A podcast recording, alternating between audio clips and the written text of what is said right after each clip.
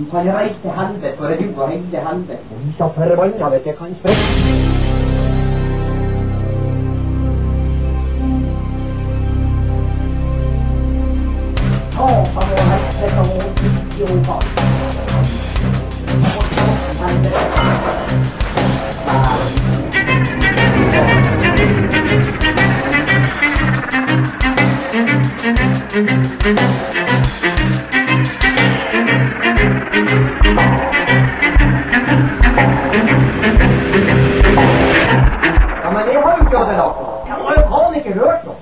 All right. Um, kveldens episode av Tyskeren tilflytteren er som alltid, hver gang, verdens beste annonsør. Er de annonsør, eller er det vi annonsør? Who cares? Olsen er ikke ferdig! Hvis du ligger og stresser livskiten av deg om kvelden og om natta og tenker 'fy faen, jeg kommer til å kjøre ut av veien', eh, eller at eh, faen, de felgene jeg har, er det mest utrolig teite felgene som finnes på bilen din, så må du dra til Olsen dekk og felg og få bytta. Så får du bedre nattsøvn, du har det bedre med deg sjøl. Ja. Du har ikke angst, Du har ikke angst. du får ikke depresjon. ikke depresjon. Du, you've got it all. Alt blir bra. Og du får bedre mental helse, som er det denne episoden her handler om. Har du sett. Det fungerer bra. Og der var vi i gang! Konge? Igjen! Ja, Vi begynner å nærme oss episode 100. det er så magisk, Det er helt fantastisk. Og ingenting er bedre enn å feire mot 100 til å egentlig få litt innspill på ja, hvordan ting eh, man har det inni seg. Ja, Kanskje ikke meg og deg, det er ikke en gratistime, men vi skal snakke med noen som kan iallfall noe om dette. ja definitivt. Eh, I dag har vi med oss eh, Maria Østhassel, og jeg tror kanskje enda flere kjenner deg som Sykt deg på sosiale medier. Eh, du er jo litt overalt på TikTok og Insta og Facebook og både her og der. Eh, forfatter av boka Syk deg. Eh, hva er det egentlig som foregår på innsida? Og det litt sånn, Jeg føler at et spørsmål som oppsummerer ganske mye av de temaene som vi sikkert blir å prate om i dag, er litt sånn hvordan går det egentlig? Det, så det lurer jeg litt på. Hvordan går det med deg, Maria? Oi, det var, det var det er et dypt spørsmål. Ja, det kan man jo på en måte velge sjøl Ja. hvor, hvor personlig og privat man skal bli. Ja. Men jeg vil si at eh, akkurat nå så har jeg det helt strålende. Jeg er i et godt selskap med dere to. Og jeg skal på folkemusikkonsert senere i dag. Så på Farsund Folk. Så jeg har det, jeg har det veldig fint nå. Sitter og ser på sjøen. Jeg bor jo på Sørlandet, og det er helt blikkstille i dag. Havutsikt og bare mm, Så jeg har det veldig fint. Ja. Veldig, veldig bra. Da- Takk som spør. Jo, skulle bare mangle. Eh, vi har jo tidligere vært innom en del av de her temaene her. Og, og du er jo psykolog, du er utdannet psykolog, og du var kommunepsykolog. Eh, og vi har hatt gjester tidligere eh, der starten på podkasten vår var egentlig ikke å fokusere på mental helse eller no, noen av de tingene der, egentlig. Eh, men så hadde vi Hank von Hell på fra Turboneger. Vi har hatt Erlend Osnes, standup-komiker. Vi har hatt Danny Tønnesen, som er sexolog. Og ja, stien har liksom Vi har gått han litt til etter hvert. Og snakka, havna på en del av de her temaene som går på psykisk helse. Eh, så, så hvem er ikke bedre eh, å ha som gjest enn deg, tenkte vi. Eh, det, det har blitt en, en stor greie, og, og, og forhåpentligvis, i hvert fall min oppfatning, at det har blitt lettere å prate om psykisk helse, sjøl om det trolig fortsatt er et tabu for veldig mange. Eh, hvordan, hvordan begynte du egentlig din reise mot sosiale medier og dette temaet? Hva, hva som fikk deg til å ta den avgjørelsen at nå skal jeg gå for det? Ja, det, jo, det har vært en sånn utilsikta eh, suksess, egentlig. Fordi at eh, det, var, det var jo i forbindelse med pandemien, rett og slett, at eh, når jeg var kommunepsykolog i Farsund, så ville jeg prøve å nå de som jeg ikke kunne nå. Eh, og det var jo barn og ungdom som eh, var hjemme på hjemskole, og det var ingen, ingen sted hvor altså, psykolog hadde ikke lov til å møte pasient engang. Så, så da tenkte jeg at da kan man iallfall Jeg vet jo på en måte hva denne situasjonen kan medføre av risikoer for den psykiske helsa.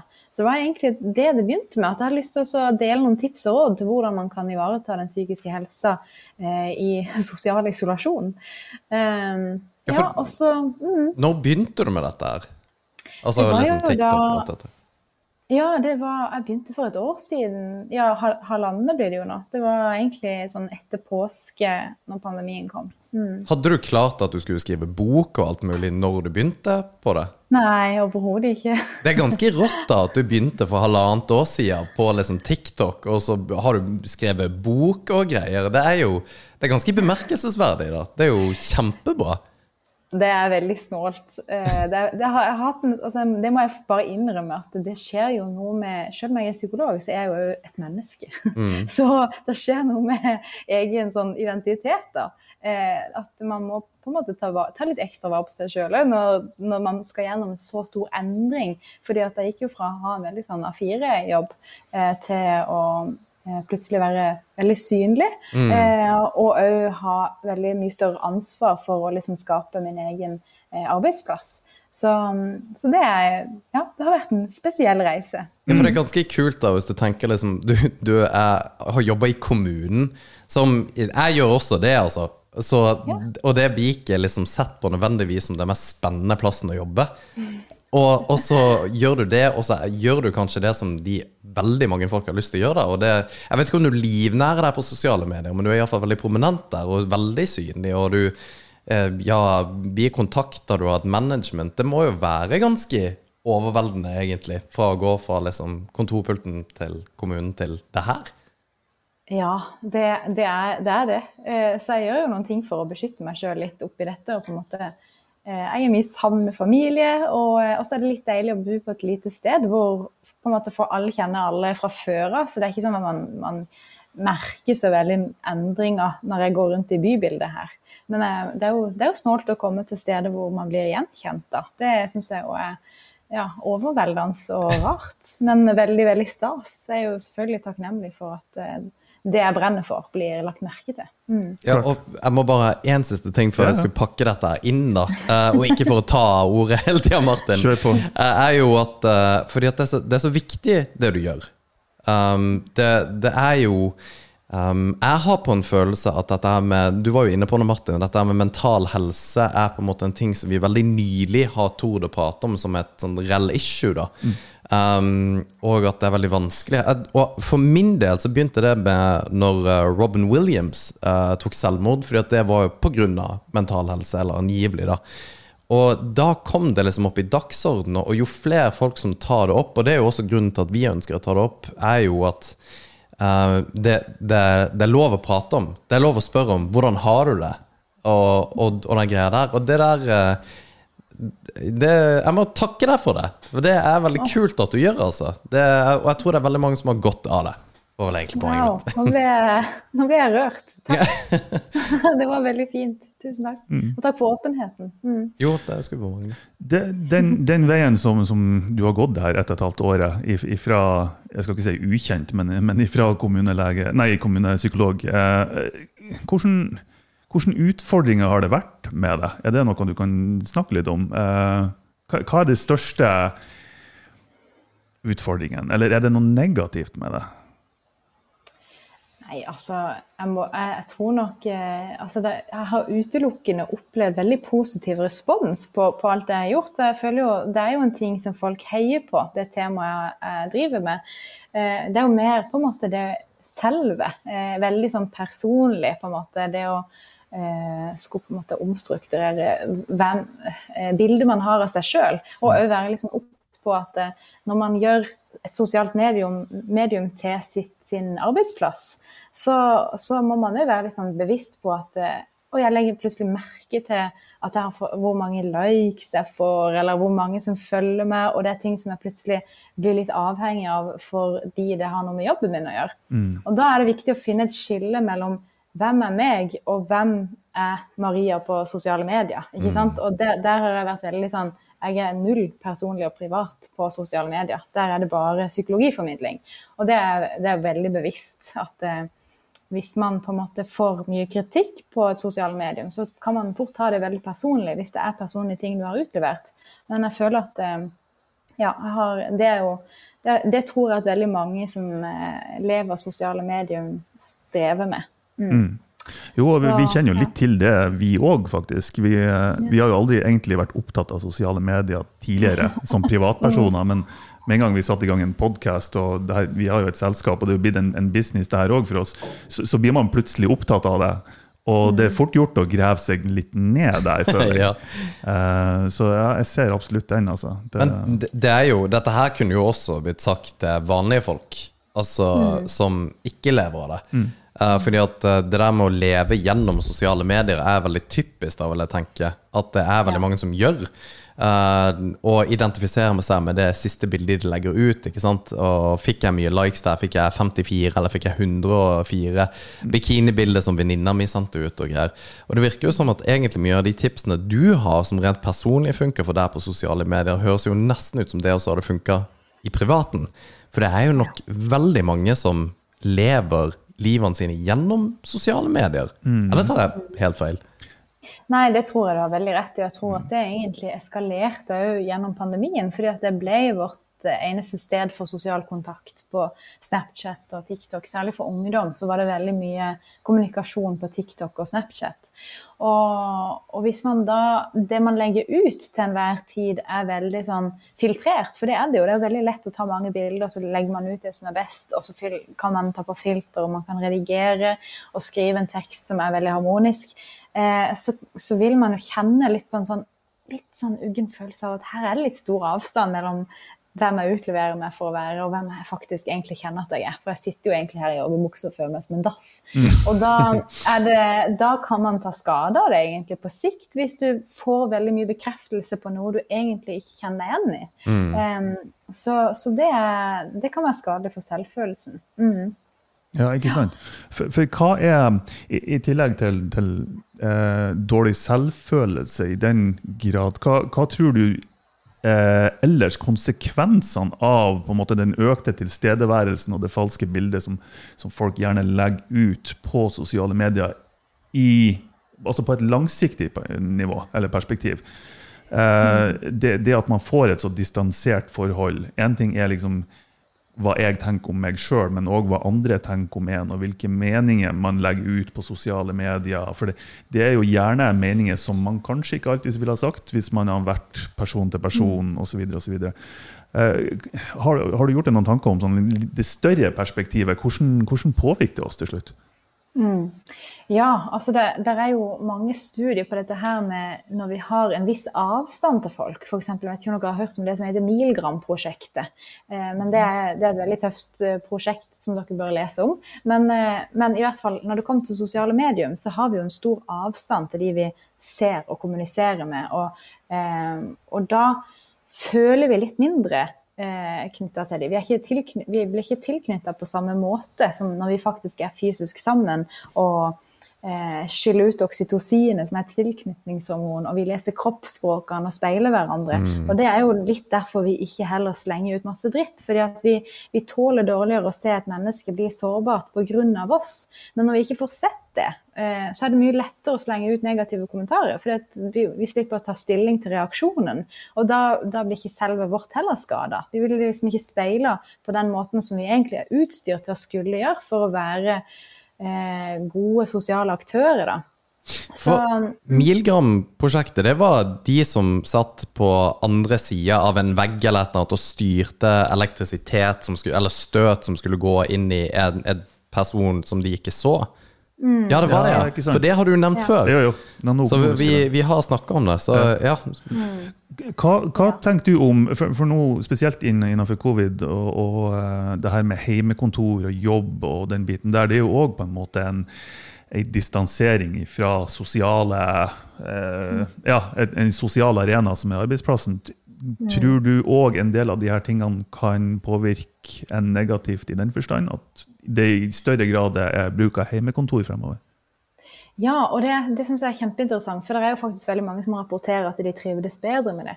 Men jeg tror at det er uheldig på sikt. Eh, At vi er jo, vi er jo late i, i, i utgangspunktet i vår natur. Så, så vil vi helst eh, Kroppen vår vil helst være i eh, sparemodus eh, og ikke forbrenne kalorier. Så det er jo derfor det er dritt. Selv om vi vet at det er bra å trene, det er bra å bevege seg, bra å komme seg fra til B, så har vi ikke noe lyst til det. Og det er jo fordi at vi, fra, vi aldri har før de siste 100 årene har hatt overflod av mat, så har vi aldri hatt det før. Så derfor har kroppen måttet spare på energi.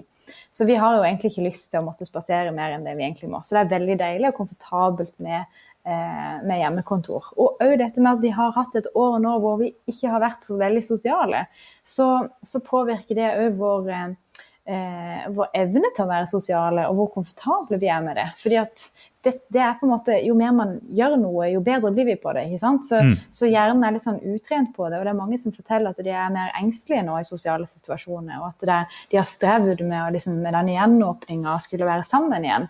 Eh, og det tror jeg dreier seg i stor grad om den sosiale isolasjonen. At vi, vi er utrente på det. Og det krever jo trening. Vi må på en måte eh, eksponere oss igjen, da. Mm. Eh, og så når det kommer til hjemmekontor og det å sitte på skjerm, sånn som vi gjør nå eh, i denne innspillinga, så ser jo vi på oss sjøl. Og eh, jeg vet ikke med mm. dere, men jeg har veldig lett for å se på meg sjøl på skjermen og liksom blir veldig bevisst over hvordan jeg sitter og liksom ansiktsuttrykk. ikke sant? Man ser jo på det. Men hadde vi sittet face to face, så hadde jo ikke jeg sett meg sjøl. Jeg hadde ikke tenkt over, jeg hadde ikke vært så selvbevisst. Eh, da hadde jeg bare speila meg i deres blikk og deres reaksjoner på meg. Og det er jo det vi egentlig er utstyrt til. Og det er sånn vi òg lærer bedre hvordan vi skal kommunisere med andre mennesker eh, og lese kroppsspråk. Så det, det, å sitte og se på seg sjøl en hel dag gjør at vi blir selvbevisste. Eh, og det har jo òg vært noen tall nå som viser at flere og flere går og tar Botox. Flere og flere tar fillers i leppe, og eh, det er mange flere som tar ansikts- og kroppsoperasjoner. Eh, og det, jeg, det er jo ikke noe jeg vet, men jeg lurer på om det kan ha en sammenheng med at vi har sett veldig mye på oss sjøl dette året. Det, det er mind-blowing, fordi at jeg har tenkt på akkurat det der. Ok um, ja, ja, Du kommenterte jo rett før episoden. Jeg ser, ja. jeg ser ikke sånn ut. Ja, jeg sa jo det, at jeg er ikke så rød. Men uh, ja, fordi at jeg er ekstremt selvkritisk. Og jeg kan sitte og se på meg, og nå hjelper det jo ikke at man er på film uh, flere ganger i uka, eller på podkasten her, men det blir sånn at du ser på deg sjøl, og istedenfor å høre etter hva du sier, eller på en måte konsentrere deg over hvem du snakker med, så ser du på deg sjøl. Mm. Og det er Ja, det, det, uh, jeg har faktisk søkt etter uh, sånn, Nei, jeg skal ikke si det engang. Men uh, jeg, ja, jeg kjenner meg veldig igjen i det der. ja, og det, det, er jo Jeg vet ikke om dere har hørt om ord, altså ordet narsissist. Det kommer jo fra ordet narsikus, som var en sånn gresk figur fra antikken. som Eh, som drukna i sitt eget speilbilde. Ja. Eh, han satt og kikka så veldig mye ned i i et vann hvor han kunne se seg sjøl, og så ble han forelska i seg sjøl etter at han ble så veldig opptatt av seg sjøl. Og det er jo det ordet narsissisme kommer fra. At man blir mer egentlig, man, mer, man har stor kjærlighet til seg sjøl og tenker mye på seg sjøl og er opptatt av hvordan man ser ut. Eh, så ja, det er jo worst case. Det er jo krisemaksimering. Men kanskje vi blir mer eh, narsissistiske av å sitte bare med oss sjøl og se på oss sjøl. Eh, ja, jeg tror absolutt at vi trenger sosial kontakt. Vi trenger å gå, til, gå og fylle vann og møte på en kollega. og liksom, Vi trenger å ha lunsj sammen. og ja, og Det med å ha lunsj sammen det er så viktig. Man må ikke sitte og spise alene hele tida. Det, det, er jo en beskyttelse for eh, spiseforstyrrelse. Mm. Sånn som, for det, det er liksom, ja, sant, Barn og ungdom nå så har jo spiseforstyrrelse økt veldig. Eh, det vet jo ikke, Vi kan ikke si hvorfor det er, men jeg, jeg, kan se for meg at det har litt å gjøre med at man ikke spiser så mye sammen. Fordi at aldri, altså Fra vi blir født Nå bare prater jeg veldig mye her, men når vi blir født, sant, så, så, er det jo sånn at når man gir mat til en baby, så kikker vi inn i øynene på den babyen eh, når vi mater den, om det er ved amming eller flaske. Eh, og òg når, når, de sitter på en babystol, sånn, så mater vi dem, og det er mm. blikkontakt og kommunikasjon og varme.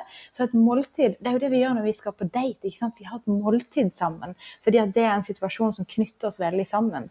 Eh, og som òg beskytter vår psykiske helse. Vi føler omsorg, vi føler at vi har tilhørighet, noen som tar vare på oss og livnærer oss. ikke sant?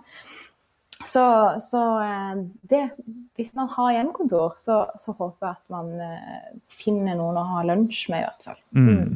Og det, det er jo ting som vi faktisk har snakka om litt tidligere òg. Det, her med- for det var i en helt annen sammenheng. eh, Men tilbake til urtida, når vi satt rundt bålet og spiste sammen. ikke sant? Ja. Hvorfor vi føler en trygghet med det å, å sitte rundt sosialt i et bål i en trygg omgivelse. At, at vi har en eller annen, et urinstinkt av noe slag. At mat er det er på en måte mer enn bare et primærbehov og næring. Mm. Det, det, er noe, det er noe mer i tillegg. Jo, jeg, jeg er helt enig. Jeg tror jeg har lest også om det eh, i familiesammenheng, hvor viktig det er å spise middag med ungene dine. Altså At du setter deg ned og spiser mat sammen. Altså At det liksom samler familien. Hvor viktig det er. Jeg har jo ikke Ja. tenkt på det, for jeg syns det er så godt å liksom sitte hjemme på kontoret og bare kunne ta med maten sjøl. Å, herregud. Jeg møter meg sjøl i veggen her. Ja, og så er det sånn, bare det å sitte på morgenen når man møtes eh, altså sånn, har det, sånn er det jo litt i kommunen, da. At man møtes og tar en kopp kaffe ikke sant, på morgenen. Og det er jo veldig koselig. Og, og, og det er noe med faktisk, det er noe som heter embodied cognition, som dreier seg om at eh, hvordan vi fysisk kjenner varme og temperatur og berøring på kroppen, påvirker hva vi føler, og hvordan vi vurderer omgivelsene våre. Så det er det er studier som viser at hvis man får holde på en varm kopp kakao eller kaffe eller te, så vurderer man det mennesket man snakker med, som varmere. Eh, og, det kommer jo liksom av den kroppslige opplevelsen, da. Så, så jeg tror liksom det å møtes og drikke en kopp kaffe, alle disse tingene her, det må man ikke slutte med. Jeg tror at det, det er en grunn til at vi gjør det. Altså det er sånn her, at Man tenker jo ofte at nei, vi kan ikke bruke tid på å ta en kopp kaffe sammen på jobb. Men hvis det er faktisk viktig for det kollegiale, som, au- som, som styrker motivasjonen til å være på den jobben, så kan det hende at det faktisk er litt viktig å bruke ti minutter på morgenen på en kopp kaffe. Det er ufattelig interessant, alle disse tingene du tar opp. Og det er jo nesten en slags superpower å vite det. Fordi at liksom dette her med varm kopp kakao og at du, For du, du, da kan du liksom bruke det til din fordel, da. Og da mener jeg Ja. på godt og vondt, da. For du kan jo faktisk utnytte det. Også på et vis, da. Jeg vet ikke hva det forteller om deg, Alex, at du vrir det på Nei, nei, nei, men eh, jeg jeg er jo litt eh, Når jeg gikk på skolen, så var jeg litt opptatt av dette her med, med sånn hersketeknikker, og det er det mange som gjør, ikke sant, som prøver å herske over det. Ja. Og da er det jo, hvis du liksom bare gir dem en kopp varm kakao, så liksom virker du sånn Nei, nå, nå babler jeg, men eh, Jeg skal det, aldri ta imot noe varm kakao eller kaffe fra deg, i hvert fall. Jeg jeg jeg, er alltid skeptisk på om folk eh, vet det. Du, Men vi har jo alle intensjoner med de tingene vi gjør, på en måte. Det er jo en, stort sett en slags intensjon. Om det er at jeg vil bli din venn, så, er det jo fint å, å bruke det virkemidlet. Jeg vil jo heller kalle det for et virkemiddel, kanskje. Ja. Et positivt virkemiddel. Mm. Du, tror du Altså, De tingene som vi har snakka om nå, alt fra hjemmekontor til at vi er mindre sosiale, til eh, ja, psykiske ting Tror du eh, det påvirker kjønn forskjellig på noe vis? Um, Tror du vi blir påvirka forskjellig av de her tingene? Det er et godt spørsmål. Mm. Det er jo liksom, det er jo kommet noen sånne statistikker, Ungdatastatistikken viser litt sånn forskjellige ting på det. At uh, f.eks. det var flere jenter som rapporterte at de var ensomme i løpet av dette året. Uh, vi er jo forskjellige av natur som, som kjønn, så er, jo, så, så er det biologiske forskjeller, og hjernene våre er forskjellige. Vi har litt forskjellige behov på noen ting, eh, statistisk sett, på en måte. Sant? Men det er jo selvfølgelig masse eh, masse variasjoner innad i kjønnet. Men, men, eh, så, det, så det er veldig gode spørsmål. Av natur så er jo, har man jo noen tanker om at kvinner er mer sosiale. At vi eh, har eh, mer behov for oss å være sånn gjeng, ikke sant? Og ha klubb og liksom eh, sant? Eh, henge sammen og være nær hverandre. Og eh, bruke veldig mye sånn tid sammen for å prate om hverandre og om seg sjøl, mens menn eh, samles mer for å gjøre noe praktisk. Eh, gå på golfbanen eller eh, spille fotball eller fiske. ikke sant? Så, så, eh, så, så det, det kan jo ha litt med det å gjøre, dette her med at kvinn, jenter har følt på mer ensomhet dette året enn gutter. At gutter kanskje har litt sånn at de coper litt bedre med å ikke være med andre. Det, det, jeg har ikke noe svar her, men jeg må Nei. bare tenke høyt. Men det var gode spørsmål. Er det noe, er det noe tall på det? At det er kjønnsforskjeller på hvordan folk har hatt det under pandemien? Jeg vet ikke. Ja, det er, der er noen tall fra, fra Ungdatastatistikken, men det er jo ungdom, da. Men, eh, Ja. Men Eh, forskjeller på kjønnene, at eh, gutter og jenter har hatt det ulikt, da? Eller er det bare at ungdommer har hatt det kjipt? Nei, der, der ser man på kjønn òg. Mm. Riktig. Ikke sant? Hva sier, hva sier tallene der, da? Jeg har ikke gått så veldig nøye Nei. inn eh, i de tallene, men jeg, ser, men eh, jeg vet i hvert fall at det var eh, noe med at jenter hadde kjent på mer ensomhet. Mm. Ja, du sa jo det. Herre fred. Ja.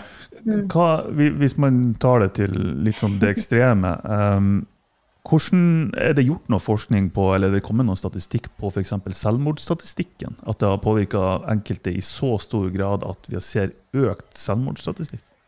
Vet ja, det? det er veldig veldig spennende. Jeg har ikke sett noe tall fra Norge, men jeg har sett, eh, nå, lest to rapporter, en fra Kina og en fra Nederland, som viste at, eh, at eh, i Kina, eller ved første lockdown i begge disse landene, da, så, så var det en nedgang i selvmord ved første lockdown. Men eh, ved andre lockdown så var det plutselig en drastisk økning igjen. Og, og det syns jeg var superinteressant. Det er jo en veldig teit ting å si at å, interessant med selvmord, men det er jo mitt fag. Men det, det kan jo hende at det eh, dreier seg om at vi når vi blir utsatt for akutt stress, som det var når plutselig alt stengte ned, så, så reagerer kroppen vår ved å gå i sånn fight, flight, freeze mode. ikke sant? At vi får en eh, akutt stressreaksjon eh, som, som vil at vi skal overleve. Eh, og, og det viser jo at vi, vi er gode til å mobilisere akutt. Og liksom eh, reagere på når vi får en beskjed som trigger frykt i oss. Eh, men det er vanskeligere å mobilisere over tid. Så over tid, når vi får denne beskjeden gang på gang på gang, så blir det kronisk stress fremfor akutt stress, og det reagerer vi forskjellig på. Så det, det, dette jo sånn, dette har jeg ikke lest noe om, jeg bare tenker. Mm. Det, det kan, kan godt være helt andre årsaker, men, men jeg syns i hvert fall det er veldig spennende, egentlig. Ja. Ja. Det er det Uh, du, du poengterer, eh, eller du har gjort det flere ganger, at, at du, du har ikke lest om det, men det her er dine tanker osv. Uh, jeg så det står på, sosiale, på den profilen din at eh, gir ikke helseråd. Får du mye forespørsler om sånne ting? Er det, er det folk som henvender seg til deg og liksom de, ikke om nødvendigvis ber om behandling, men om de, de trenger hjelp via, og de søker hjelp via sosiale medier? Ja, det er det. Og det, det har jeg hatt en Før jeg åpna kontoen, så hadde jeg kontakt med jurist og med psykologforeninger for å liksom eh, forsikre meg om at hvis man skal være psykolog på sosiale medier, så har man noen etiske ting man må ta stilling til. Da. Eh, så når jeg, for jeg får en, ganske mye sånne meldinger da, eh, hvor folk deler sensitive opplysninger. Men da får de alle sammen får en automatisk melding hvor, jeg, eh, hvor det står at jeg ikke kan behandle sensitive opplysninger fordi at jeg da er journalpliktig.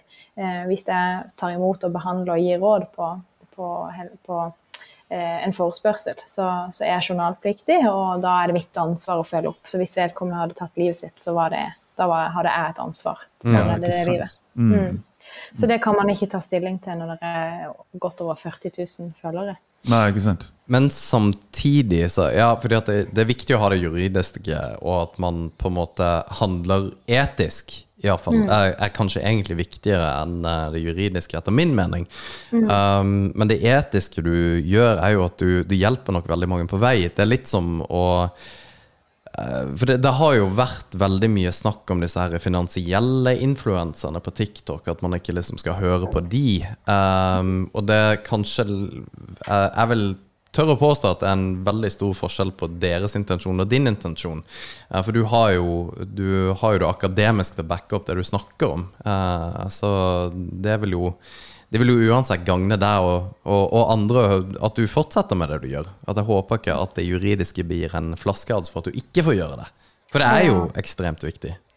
Ja, takk. Det, og det er jo det, er jo det jeg, klarer, jeg håper at jeg kan klare å opprettholde. det at Målet mitt er jo å gjøre folk nysgjerrig på seg sjøl og stimulere til introspeksjon. Og eh, hvis jeg kan så et frø eh, i et menneske som gjør at den personen oppsøker hjelp eh, hos profesjonelle, så er jo det Da føler jeg at da har jeg gjort det, det jeg vil. Mm. Men for, nå skal jeg sette deg litt på undersøkelyset her, Maria, så får du se om du vil svare. Men eh, jeg veldig, har alltid vært veldig opptatt av på en måte selvhjelp. eh, og dette her å prøve å finne ut av Og en, en, man, man slutter jo aldri å lære jo eldre man blir. Jeg husker da jeg var 18, så tenkte jeg «Å, herregud, så mye jeg har opplevd. Eh, eh, verdensvant når jeg er 18, og det var liksom ikke noe stress. Men, og jeg, jeg slutter vel egentlig aldri å bli overraska over ting jeg på en måte kommer på på i forhold til hvordan man sjøl skal te seg mot andre, hva som er viktig her i livet. Um, jeg gikk gjennom en reise nylig hvor jeg tenkte som brukte altfor mye tid på at jeg identifiserte meg gjennom jobben, f.eks. Vi hadde en diskusjon om hva er det som egentlig gjør deg lykkelig i livet. Og der er det mye forskning som tyder på at det er venner og familie, som egentlig sånn i grove trekk. Men i, i jungelen av eh, selvhjelpsguruer og folk som både mener det, det ene og det andre, så syns jeg det er så herlig hvis folk greier å på en måte kanskje gi det, det, det fins tusen ting du må gjøre for å ha det godt med deg sjøl.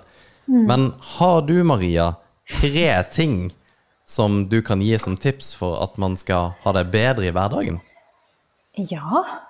Jeg har veldig mange ting. Ja, det er så bra. Hva er dine tre beste tips?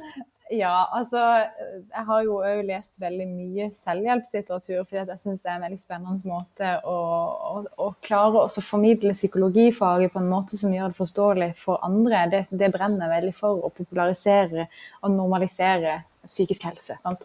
Og det å kunne snakke om det. Men, men um, en av mine favoritter, det er Jordan Peterson. Eh, Ja! Han, han, ja, han er jo veldig flott, ikke sant? Ja. men han, jeg er jo veldig uenig med han i masse. Eh, men det gjør jo at det Ja, jeg tenker at da er det ekstra viktig at jeg hører på han. sånn at ikke, på måte, Man kan ikke bare følge det man er enig med hele tida. Mm, Så, så, og han har jo et veldig fint råd om at eh, eh, sammenligne deg sjøl med den du var i går, og ikke den noen andre er i dag. Eh, og det, det er jo på en måte i, I det så ligger det så mye, ikke sant, at man eh, man er foranderlig. Man er hele tida en prosess. Det er ikke sånn at du er satt. Eh, vi, vi forandrer oss hver dag. I, I dag er en helt ny jeg er en ny person i dag enn det jeg var i går, fordi jeg er noen erfaringer rikere. Og vi er hele tida i stand til å kunne forandre livet vårt. Og det, som psykolog så er det så viktig å få formidla, da. Ikke sant? At, eh, for det er så mange som går rundt og tenker at de er som de er, og at det er kronisk. Og at disse tankene som jeg går og bærer på, vil jeg bære med meg hele livet. Jeg vil alltid ha det så vondt. Men det er, det er jo faktisk ikke sant. Du kan forandre det. Eh, og, og det viktigste du kan gjøre da, det er å se tilbake på, på de, det som har vært til enhver tid, og så prøve å se at du faktisk beveger deg framover. Eh, og det å ikke sammenligne seg med andre, det er jo liksom Det er jo Ja, det vet vi jo, ikke sant? Men de vi er dårlige på det likevel. Ja, jeg er fæl på det, ja. Mm, ja. Hvordan um, Jeg spurte om tre tips. Oi, sorry. Beklager.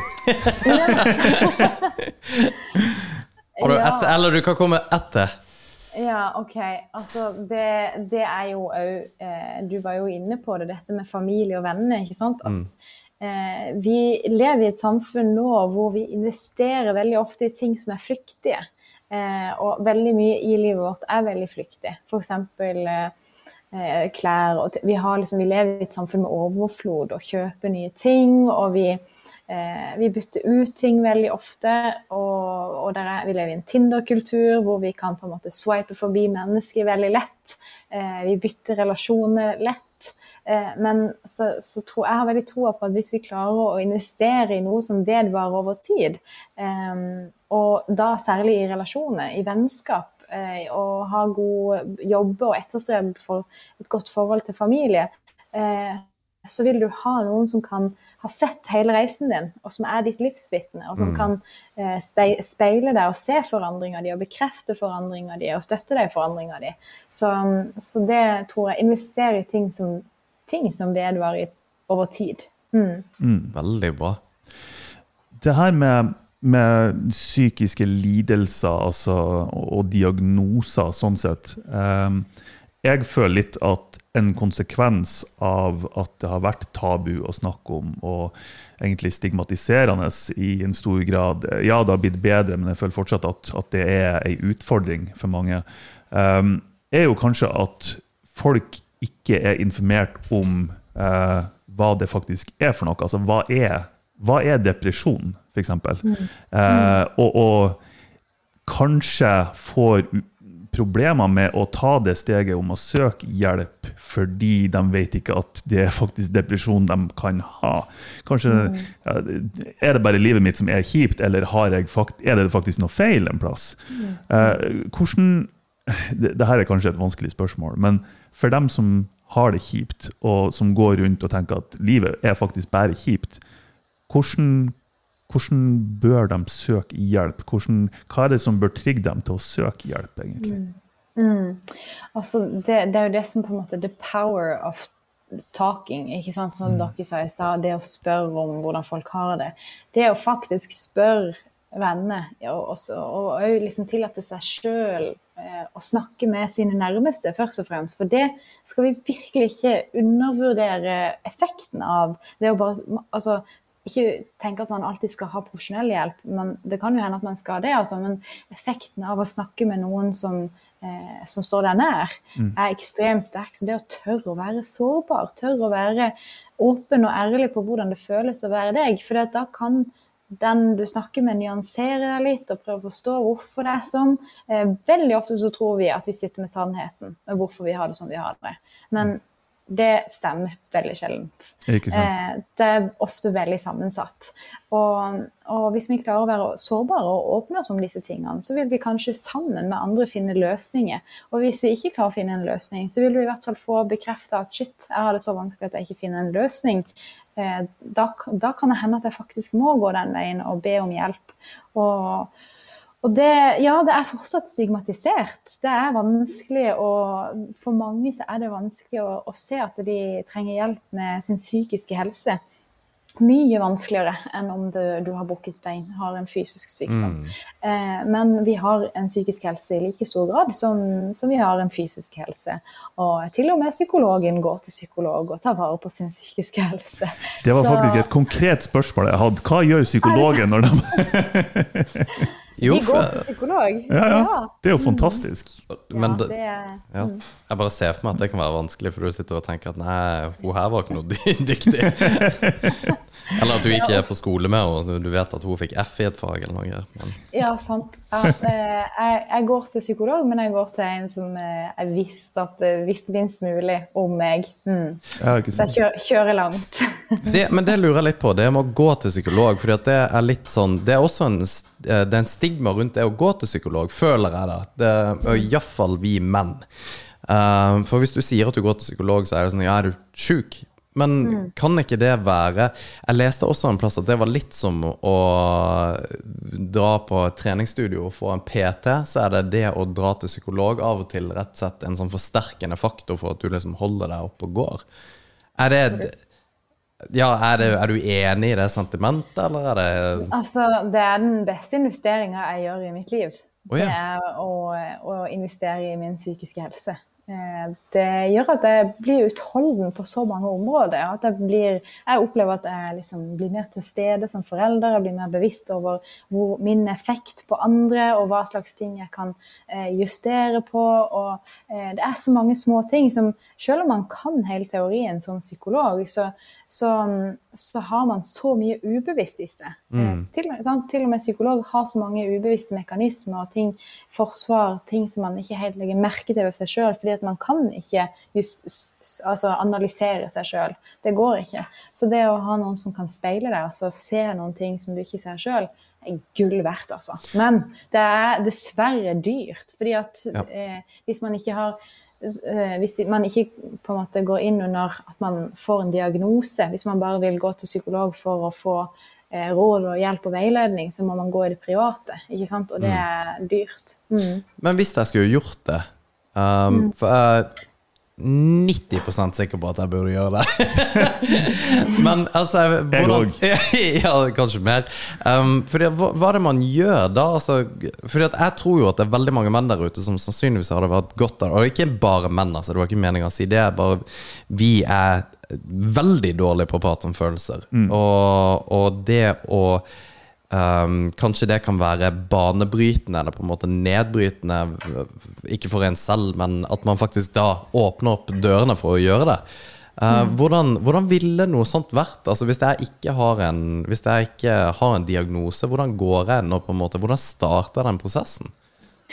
Ja, for, for å komme til psykolog, så må man, eh, da må man stort sett snakke med fastlegen sin. For det er de som sender en henvisning. Okay. Eh, og så de sender enten hvis symptomtrykket eller funksjonsnivået ditt er så lavt at man tenker at her trenger du hjelp i spesialisthelsetjenesten, som vil si at du har eh, moderat til alvorlige symptomer på en måte på psykiske lidelser. Eh, da vil du kunne få en angstdiagnose eller en depresjonsdiagnose, og så får du en behandling som er retta mot din lidelse, på en måte. Eller ja, alle de tingene som fins. Men Eh, Men hvis det er litt lavere symptomtrykk, så, så vil nok fastlegen hjelpe deg med å enten komme inn i kommunal psykisk helseteam, fordi kommunene skal ha et psykisk helseteam som tilbyr gratis eh, eh, samtale. Eh, eller så vil han hjelpe deg med å få han eller hun eller hen, eh, hjelpe deg med å få en eh, privatpsykolog, for de har en oversikt over tilbudet som er lokalt. Mm. Ja, fordi at det var for, Bare for å egentlig gå tilbake Det var ikke meningen å kødde med det å ha psykisk lidelse, at jeg har det. Fordi at det tror jeg overhodet ikke jeg har, men det hadde vært nok sannsynligvis godt uansett å få prate med noen. Altså the power of talk, som du snakker om. Absolutt. Og så vil jeg jo si altså Har du noen gang hatt en fysisk sykdom? Du Eh, nei. aldri hatt influensa? Å jo da. Ja. Eller noe? Nei! jo, jo, det har jeg Du hatt, ja. har hatt det? ja, ja.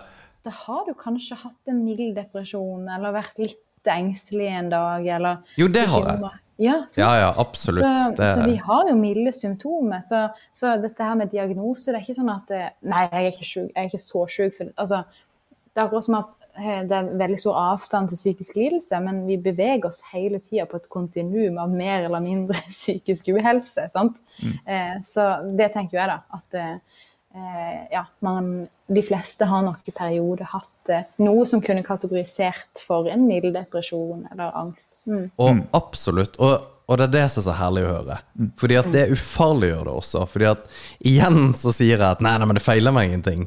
Og så ja, nei, men det gjør jo ikke det, men det er lov å på en måte På samme måte som man har vondt i knærne, så går man kanskje til fastlegen, så kan man på en måte gå til en psykolog. Nei, jeg var veldig lang eh, greie om bare at jeg syns barrieren burde fjernes. Ja. Altså, vi- har jo snakka flere ganger, og, og det- det er jo fortsatt en greie mellom oss. Vi har hatt mange episoder der vi har snakka om både eh, mental helse og, og sex og alt mulig som mannfolk kanskje stereotypisk ikke prater om. Og vi, altså, vi har snakka i overkant mye om det, kanskje. Og vi klarer jo fortsatt ikke å snakke seriøst om det uten å begynne å flire til hverandre. Nei. Så, så det Om er jo sex? Ja, om, om sex og porno og, og alle de tingene der. Eh, og jeg fikk jo en, jeg fikk en kommentar fra ei venninne. altså, Hun ble helt overraska over at mannfolk ikke snakka om sex med hverandre. For, for det gjør vi jo ikke veldig mye. Um, Nei, det er mitt inntrykk òg. ja. Og, og, men hvis vi retter oss nå mot psykisk helse, helse um, er, det, er det en realitet at mannfolk er dårlige å snakke om det, eller er det Er det um, Hvordan skal jeg formulere det? Er det reelt eller ikke? Ja, er, ja, det er det. Mm. Det er det, ja. At, eh, der, er, der er mye forskning som viser at kvinner har større affektbevissthet, som det kalles for. At de har mer kontakt med følelser, har mer ord for følelsene sine enn menn.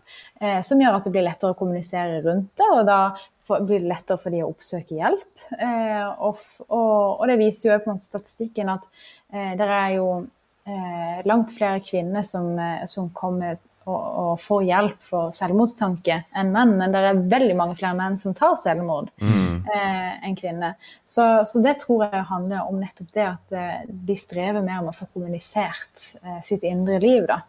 Og det kan jo være veldig mange grunner til det. Det kan ja, dreie seg om eh, behovet for å ikke fremstå sårbar. Ikke sant? For at fra naturens side så har på en måte menn hatt et mer sånn hierarki, da. Eh, At det er om å gjøre å fremstå som sterk. Eh, Men i dagens samfunn så er ikke det fordelaktig lenger. Det er på en måte, Vi er veldig likestilt i dag.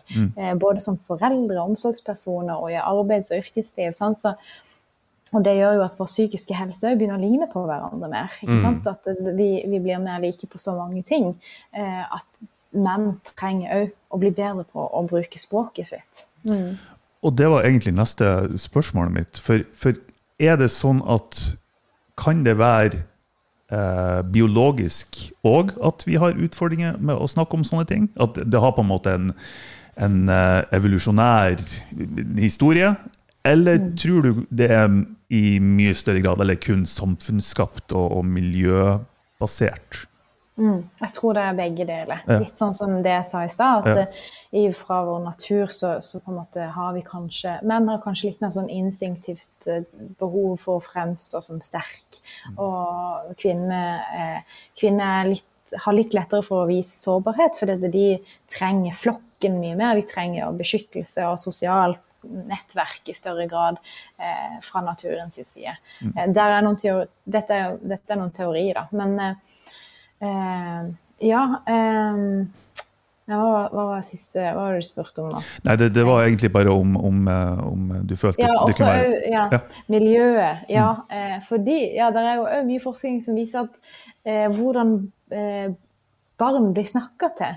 Eh, det begynner allerede fra de er født. Om en gutt blir tulla inn i et eh, blått teppe, eller en jente blir tulla inn i rosa teppe. Det, det skjer jo på fødeavdelinga. Det husker jeg når jeg fikk et barn sjøl. At de gjør det umiddelbart. Eh, og så er det jo mange studier som viser at eh, eh, fargen barnet har på teppet sitt, påvirker hvordan vi snakker til barnet.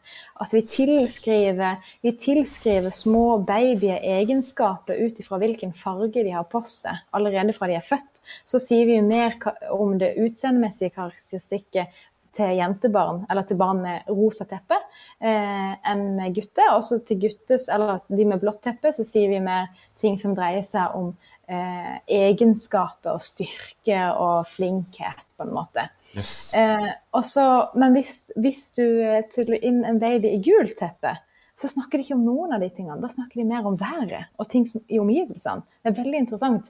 Så, så allerede fra vi blir født, og det ser man jo i barnehage, at uh, typisk barnehageansatte snakker litt forskjellig hele tida til, til, til gutter og jenter. Og uh, hjelper barn med å regulere følelser forskjellig, om det er gutter eller jenter. Så det er jo miljø mm, Det var sant? langt Wow. svar. jo, men det er interessant. det, er farlig å, det, ja, det er farlig å si sånn her, for jeg kommer til å bli så sjølbevisst på hva jeg sier nå fremover. Ja, jo, men det, det har et poeng. Vi skal ikke holde deg altfor lenge, Maria, men det jeg lurte på, var Jeg har jo lest en plass, er det faktisk eh, Sykepleierne har jo sånn her månedlig eh, fagblad som kommer ut. Og der var det om sex, hvor de snakka om at eh, sex var et primærbehov. Og i og med at sex er et primærbehov, så må jo det ha en eller annen form for psykologisk effekt på oss. eh, Om det er mindre av det, eller Altså, hvor tett er vår psykisk helse og sex knytta sammen? Ja, det var et veldig godt spørsmål. Hvordan skal man liksom differensiere hva som er hva der? Det er jo, ja, det er jo eh, vårt eh, sterkeste instinkt. Det er jo på en måte å drive eh, oss sjøl videre. Eh, overlevelsesinstinktet vårt er jo på en måte knytta til det å skulle få flere barn, se sine gener gå videre. Eh, så det ligger veldig sterkt i oss. Og, og begjæret vårt, ikke sant? Det, det er noe vi bærer med oss hele tida. Men så har vi et samfunn som på en måte gjør at vi pakker det veldig inn, og det skal være innenfor visse rammer. Det skal være ryddig. Og så vet vi samtidig at 50 skiller seg, og i veldig stor grad mange opplever utroskap. Eh, og det er mange legninger som blir, som blir undertrykt, og eh, mange som ikke tør å komme ut av skapet. Så uh, veldig mye av det som dreier seg om seksualitet, eh, påvir ja, det påvirker den psykiske helsa vår i stor grad. Hvis man ikke har eh, et tilfredsstillende sexliv, så, så vil det kunne gå utover den psykiske helsa. Så er det, du kan ikke kvantifisere det på et vis at det har sinnssykt mye å si, men det har mye å si som, som det å trene da, og det å spise godt. Altså, Ja. Ja. Mm, det er jo altså man, eh, Det er liksom Ja, det å, det å føle nærhet og det å føle seg sett både emosjonelt og fysisk er noe vi har behov for. Det gir oss næring, det gir oss eh, oksytocin, som er tilknytningshormon. ikke sant? Og det gir eh, masse sånne gode stoffer i hjernen vår som, som gjør oss tilfredse. Så har vi et veldig godt sexliv, så kan det hende at det gir oss en positiv boost. Men så er de så forskjellige òg. Det er mange som ikke har så veldig høy sexlyst. Um, og så Da går det kanskje utover parforholdet, og så går det utover selvfølelsen til den som ikke har så høy sexlyst. Og, og selvfølelsen til den som ikke får sex, for kanskje den føler seg litt attraktiv. Så, så dette er nok noe som er veldig sånn gjennomsyra i alle, og dette er noe som jeg opplever at alle strever litt med i perioder, og eh, noen strever veldig med det. Så det, det er noe som ja, absolutt i høy stor grad påvirker vår psykologiske velvære. Men korrelerer um, Kan man se alle som har lite sexlyst under ett, som at de har det litt kjipere enn de som har høy sexlyst? Eller er det helt banalt? Nei, ja, altså det er jo eh, det er interessant. Altså, her er det jo stor forskjell på, på menn, menn og kvinner. Eh, jeg la, har lest mye av eh, en, en mann som heter Roy Nei, hva heter han? Baumeister. Eh, han har skrevet mye om noe som heter erotisk plastisitet. Og det dreier seg om at han tror at jenter eller kvinner har en høyere erotisk plastisitet enn menn. Og det vil si at kvinner sin sitt behov for sex er mer sosialt styrt, mens menn sin er mer biologisk styrt. Så den seksualiteten som du tok med deg inn i puberteten, da var den allerede satt, hva slags behov du kommer til å få, og det vil vedvare ganske, ganske likt livet ut. hvor høy, hvor høy frekvens, eh, hvordan du vil ha sexen din. Mens for kvinner så er det, de er litt mer tilpasningsdyktige. Hvis de får lite sex en periode, så klarer de å tilpasse seg mer, fordi at de sin seksualitet er mer sosialt konstruert. Og han mener jo noe om at eh, kvinner har større sannsynlighet for å eksperimentere med, med samme kjønn, og at eh, når man blir skilt i voksen alder, så er det flere kvinner som eksperimenterer med andre kvinner enn enn menn som eksperimenterer med menn. At det er mer biologisk hos menn enn hos kvinner. da. Jøss. Jeg ville trodd nesten det var motsatt. Interessant. Å ja. Ja. ja. ok. Ja. Nei, men eh, Maria, dette her var jo fantastisk. Du er jo et hvelv av kunnskap her. Vi kunne jo snakka med deg i eh, flere timer. Ja. Um, hvor kan folk eh, få tak i boka di? Du, det er egentlig de fleste eh, ja, bokforhandlere, altså Nordli og Ark, eh, skal ha de inne. Så, eh, mm, eller så kan du kjøpe den på Frisk Forlag sin, sin nettside. Mm. Frisk, fantastisk. Eh, ja, eller alle disse Ark sitt, sin nettside. Ja. Så bare søk en Google-søk 'syk deg'. Eh, hva er det som foregår? Hva er det egentlig som foregår på innsida? Ja. Så finner man. Mm. Så bra. Er, er det andre ting du har på gang som du ønsker å eh, reklamere for, eller hva, hvordan, hvordan ser fremtida ut? Du, fremtida ser uh, lys ut, altså. Ja, det er veldig mange spennende prosjekter på gang. Eh, men jeg tror ikke jeg skal avsløre så mye akkurat nå. Men uh, jeg kan jo si at det blir, jo, det blir absolutt eh, noe mer bok. Eh, og noen noe av det vil være innenfor eh, det vi har snakka om i dag. Mm. Så, eh, så det blir spennende. Og så eh, ja, mange andre spennende ting på gang. Så bra. Mm, følg med på Syk deg på Instagram og TikTok og Facebook. Ja, Så- veldig bra. Og vi har jo Vi har jo sett at du har kommet ut med et eller annet. Denne her episoden her kom, Vi spiller inn på en torsdag, denne her kommer ut på fredag i morgen.